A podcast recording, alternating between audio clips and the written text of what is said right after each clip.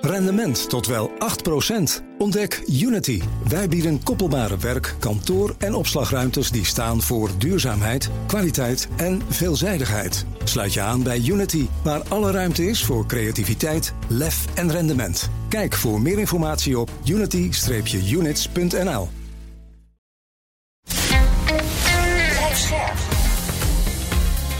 BNR Nieuwsradio. Boekenstein en de Wijk. Hugo Reitsma. Dit is een extra uitzending van Boekenstein en de Wijk in verband met de oorlog in Oekraïne en de crisis met Rusland. Het is dinsdag, dag 216 van de invasie. En we hebben een vraag van Roberto die ons Daisy zeg Daisy heeft te eten nodig. Um, sorry, die ons bedankt voor onze onvermoeibare inzet om iedereen op de hoogte te houden. En hij vraagt: Ik had een vraag over de Zwitserse Poetin. Het is een behoorlijke escalatie en wellicht een regelrechte oorlogsverklaring aan het Westen. Maar zou het misschien ook uitgelegd kunnen worden als een speech die niet gericht is aan ons, het Westen, maar vooral voor de eigen bevolking? Kan het dan beschouwd worden als een onderbouwing aan de Russen zelf voor zijn acties tot nu toe en de aangekondigde impopulaire mobilisatie? En dus in mindere mate als een oorlogsverklaring aan de NAVO? Nou, het is, het is hm? niet een formele oorlogsverklaring aan de NAVO. Het leest als een oorlogsverklaring. Dat is dus wel even iets anders. Nee, maar er zit, hij heeft natuurlijk gelijk. Het heeft een signaal naar het Westen toe, naar de NAVO, met name de Verenigde Staten. Maar het is ook een signaal naar de eigen bevolking. En dit past, en dat is de crux hiervan, in het, uh, in het compleet verschuivende narratief van, uh, uh, van Poetin. Uh, het was een narratief om ervoor te zorgen dat uh, duidelijk werd uh, gemaakt dat Oekraïne een bedreiging voor Rusland vormde. dat dat land gedemilitariseerd moest worden en moest worden gedenazificeerd. En nu wordt het narratief in toenemende mate er een van de NAVO, met name Amerika, heeft het voorzien op Rusland. Dit is essentieel voor ons en daarom, mm-hmm. om die reden, moeten we nu nadenken over uh, verdere mobilisatie en misschien wel uh, de inzet van kernwapens. Hmm. En, en, de bedoeling is natuurlijk, hè, de boodschap aan het Westen is, dus ik ben heel serieus. En uh, u zouden misschien maar eens moeten overwegen om minder wapens te sturen of daarmee te stoppen. Ja. Dat is de hoop. Hè? En ja. ook de hoop heel erg dat de Salvini's in Italië, weet je wel, die nou ook in de regering gaat zitten, dat die ook een groot pleidooi gaan houden om de wapenleverantie te stoppen ja. en zo. Hè. Ga zo maar door. Dus het is altijd twee. Het is voor intern gebruik en voor extern gebruik. Ja, en dat interne gebruik, uh, dat wordt natuurlijk heel erg belangrijk, omdat de mobilisatie buitengewoon impopulair is. Dus hoe harder je kunt bewijzen tussen aanleidingstekens dat het Westen totaal agressief is, hoe meer je mogelijkerwijs uh, die steun van die bevolking kunt krijgen. Maar je ziet dus ook dat ook buiten uh, Rusland het hele narratief aan het verschuiven is. Uh, want Lavrov die heeft een lezing gehouden, een, een, voordracht gehouden in de Algemene Vergadering van de Verenigde Naties. Die gaat, gaat echt iedereen aan om dat te lezen, dat stuk. En dan komt er feitelijk op neer van Rusland is het slachtoffer van Amerikaanse agressie. de God op aarde zo noemt uh, Lavrov Amerika, uh, is erop uit hm. om Rusland te vernietigen. daarom moet er ook een einde komen aan de door het Westen geleide wereldorde. en de teleurgang van het internationale rechtsorde, ook dat moet worden gestopt. Nou ja, dat, dat Rusland zelf de internationale weg, rechtsorde met voeten treedt, dat doet er nu even niet toe. Maar dat is ongeveer hm. het verhaal wat nu verteld wordt. Dus overal wordt dit verhaal verteld van Rusland is het slachtoffer van, uh, van westerse agressie.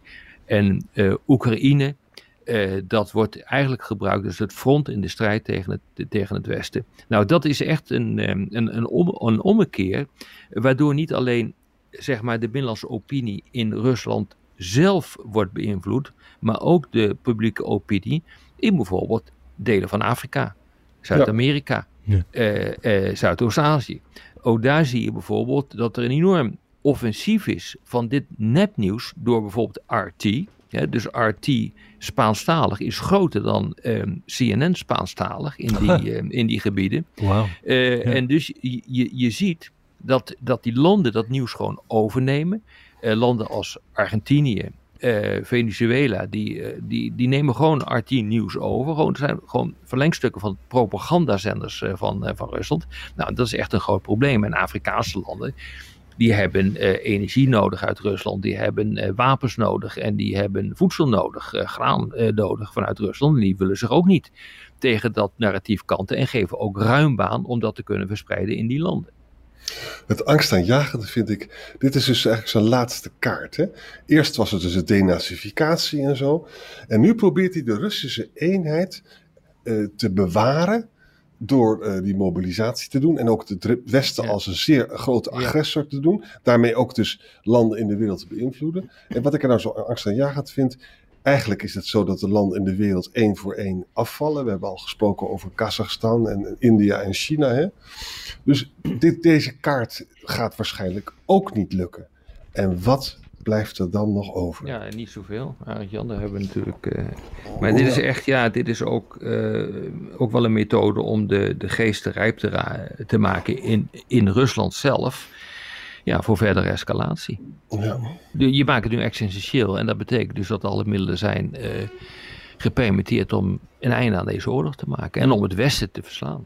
Ik, ik, las een stuk, moet ik nou terugdenken, van Arnold Brouwers in de Volkskrant. Hmm. Die schreef, ja, die, die kernwapendreiging van Poetin in die speech, dat zei hij na een alinea over dat het Westen en Oekraïne Rusland met kernwapens zouden bedreigen. Dus dat, dat, was een beetje de context. Dus ja, hij, hij, hij, verzint een imaginaire dreiging en dan zegt hij nou dan...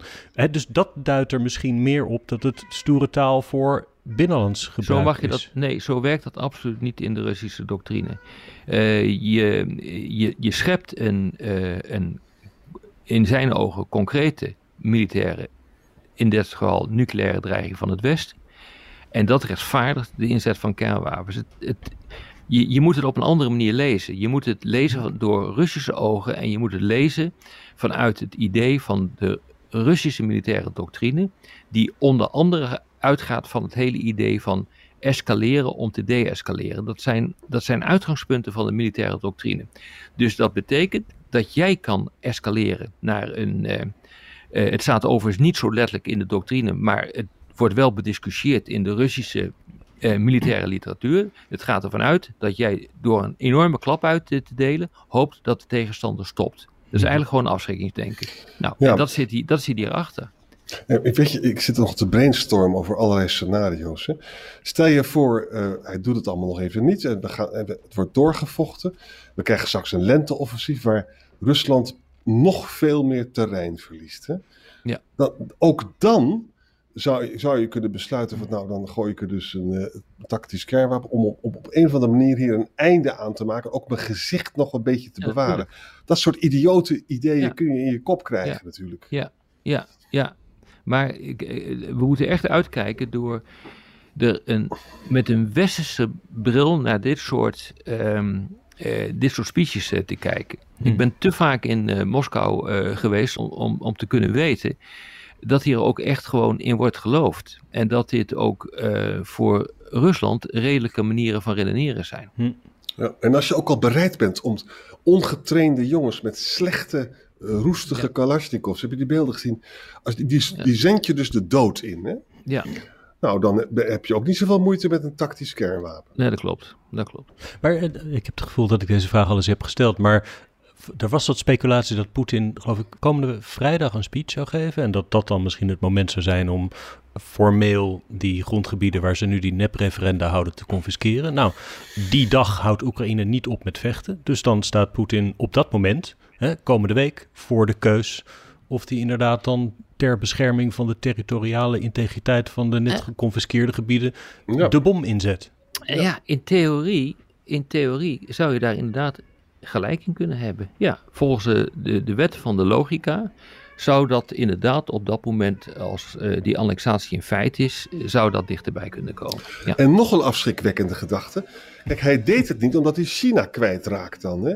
Maar hij is China en India al een beetje kwijtgeraakt. Ja, maar er is een ander punt met Rusland en China. En wat niet onbelangrijk is. Kijk, ten ondergaan voor Poetin in Oekraïne is niet te repareren. Want het kost hem letterlijk of figuurlijk de kop. Ja. De relatie met China is altijd te repareren op termijn. Altijd. Dus als je moet kiezen tussen de relatie met China hmm. of de relatie met India, dan kies je uh, daar niet voor. Dan kies je voor winnen in Oekraïne. Want dat is namelijk niet te repareren. Huh. Ja, ja, Het, is, het is heel uh, angstaanjagend, jongens, maar het is wel waar. Ja, we weten het allemaal niet wat er gaat gebeuren, maar er Nee. zijn mogelijkheden die. eh, De, de, de zaak versmalt. Iedereen zit vast in zijn hoek. En dan kunnen er gewoon idiote dingen gebeuren. Nou ja, ik, ik, ik kijk altijd maar hoeveel opties iemand nog heeft. Wat voor mogelijkheden heb je nog om je ergens uit te redden? Die worden steeds lastiger voor Poetin. Eh, en l- lastiger binnenlands politiek, maar zeker ook lastiger militair. En het grappige is, we zijn nu in deze situatie beland. En eh, nou ja, goed, ik bedoel, ik ben er hard voor aangepakt, met name op de sociale media. Maar dit is het resultaat van eh, de succesvolle wapenleveranties van, van met name de Amerikanen aan, aan Oekraïne. En de Amerikanen zijn daar natuurlijk feitelijk de facto een, een proxyoorlog aan het voeren. Dus ze voeren hem zelf niet, maar ze laten hem voeren door, de, eh, door de Oekraïners. Ja, en dat heeft natuurlijk wel grote, grote consequenties. En als dat succesvol is, ja, dan krijg je ook gewoon dit soort, dit soort redeneringen en dit soort dreigementen. Dat kan, dat kan gewoon niet anders. Dat is wel vrij logisch. En de ironie, jongens, dat de dreiging hè, van zo'n inzet van een kernwapen. Zal ertoe leiden dat Oekraïne wel die HIMARS met een langere rijkwijde gaat krijgen. Die kans is vrij groot. Ik denk dat je daar gelijk in hebt, Ja. eh, Arjan. Ja. Ik vrees dat we deze podcast nog even niet kunnen stoppen, jongens. nou, voor vanavond wel, denk Nou, ik. de- mag ik dan nog één puntje? Want Ja. hè, je, hebt het over, je hebt het wel vaker over een soort fuik waar je in zwemt Ja. over het Westen. Hè, en je zegt nu, Poetin heeft eigenlijk weinig opties over. Maar welke Ja. opties heeft het Westen dan nu nog over? Dan alsnog zwichten voor een nucleair dreigement? Nee, helemaal Heb- heeft het Westen dat is het geen- allerstomste wat je kunt doen. Je moet nu Ja. gewoon doorgaan met je sancties. Je moet doorgaan met je eh, wapenleveranties. Leopard Eh, en- tanks. En eh, je moet waarschijnlijk nu ook, nou, wat net eh, gezegd is door Arend Jan, je moet nu ook waarschijnlijk eh, systemen gaan leveren waarmee Oekraïne Russische doelen, kan, eh, doelen in Rusland kan bestoken. Eh, dat is waarschijnlijk wat, je, wat je moet gaan doen. En wat als Poetin die, die drempel overgaat, dan gaan de Amerikanen die drempel ook over. Alleen op een andere manier. Maar dan begrijp ik het niet. Want je zegt, dit is een levensgevaarlijke situatie. Dit Ja. kan leiden tot nucleaire escalatie. Maar je Ja. zegt niet dat het Westen dan daar iets mee moet van koers Nee, want als je, als je dat nu zou doen, als je nu zegt van eh, we zitten nu in een situatie die zo gevaarlijk is, we moeten nu stoppen, dan capituleer je. En dan heeft Ja. eh, Poetin gewonnen. En dat is eh, wat niemand wil. Nee, maar dit is, eh, ja, god, dit is in mijn vakgebied. Die zit ongeveer wel het meest erge besluit waarvoor je kan komen te staan. En dat, is, dat leidt dus tot, tot brinkmanship. Dat leidt tot een situatie waarin je langs de afgrond loopt met elkaar. En dan maar hoopt dat een van beiden eraf dondert en, jij, en dat jij dat niet bent. Dat is, dit, is, dit is vergelijkbaar met eh, de, de, de situatie. Eh, als dit nog even door escaleert, die Kennedy moest oplossen toen eh, de. Cuba-crisis eh, daar was. Daar, Mhm. daar, daar komt het, eh, je- dat, dat soort processen komen dan eh, naar boven. Ja. En daar word je niet blij van als je, dat, eh, als je daarin zit. En nog een militair-technische vraag erop. Van als zij een klein tactisch kernwapen inzetten. Dat zitten ze op een raket, hè? Ja, Wat, wat, kunnen, wat kunnen de Oekraïners doen om raketten uit de lucht te schieten? Wat hebben ze daarvoor? Ja, dat, ik weet niet precies ehm, eh, wat, je, wat je daar op dit ogenblik aan kan doen. Ik denk niet zo gek veel. Want als ik nu al zie hoeveel raketten er, eh, er neerkomen in, eh, in Oekraïne, dan denk ik dat dat niet zo gek veel is. En- Ze hebben net een, een nieuw luchtafweersysteem gekregen, hè? de, de NASAM, NASAMS. Dat heeft Zelensky met, met trots in zijn speech van eergisteren, geloof ik, bekendgemaakt. Ja, Helpt dat? Ja, ik weet het niet. Ik weet het niet. Het hangt er maar net van af eh, met welke overbrengingsmiddelen eh, die kernwapens worden ingezet. Ja. Eh, dat kunnen vliegtuigen zijn, dat kunnen misschien zelfs wel artilleriestukken zijn. Dat kunnen, ja, dat, dat kunnen on, SLBM's zijn, dus vanuit onderzeeboten gelanceerde eh, ballistische raketten. Het kan van alles zijn. Het kan kruisraketten zijn. Het hangt er maar helemaal van af waarmee je dat doet. Dus dat is, denk ik, ik kan daar geen zinnig woord over zeggen. Hm. En ze hebben niet zoveel eh, cruise missiles meer, hè? precisiewapens. Nee, maar je Je hoeft kan- er maar één te hebben die er doorheen komt met een, eh, met een kernwapen en je bent klaar. Ja. Iskander-raketten, daarmee kan dat in principe. Dat zijn, geen, dat zijn overigens geen, eh, geen kruisraketten volgens mij, maar, eh, maar daarmee kan dat. ja, maar die hebben ze wel. Ja. Nou, gezellig jongens. Ik vind het wel weer eh, nucleair genoeg Het is voor wel weer dinsdag. lekker, eh, lekker Ja. genoeg voor vandaag. Ja. Het is eigenlijk toch niet een podcast voor het hele gezin eigenlijk, hè? Nou, mijn kat geniet er elke keer enorm van. Ik weet het, ja, die, eh, die doet behoorlijk mee. Ik moet zeggen, de bijdrage is ook zeer waardevol van de poes. Ja, ja vind Ja. ik ook wel. Ja, Ja, ik Ja, bedoel, die ja, heeft ja. echt wat bij te dragen. Ja, Dat vind ik ook. Eh, een slimme poes, hoor. Verstandige, verstandige miauwtjes. Ja. Jongens, tot morgen. Tot morgen. Rendement tot wel 8%. Ontdek Unity. Wij bieden koppelbare werk, kantoor en opslagruimtes die staan voor duurzaamheid, kwaliteit en veelzijdigheid. Sluit je aan bij Unity, waar alle ruimte is voor creativiteit, lef en rendement. Kijk voor meer informatie op unity-units.nl.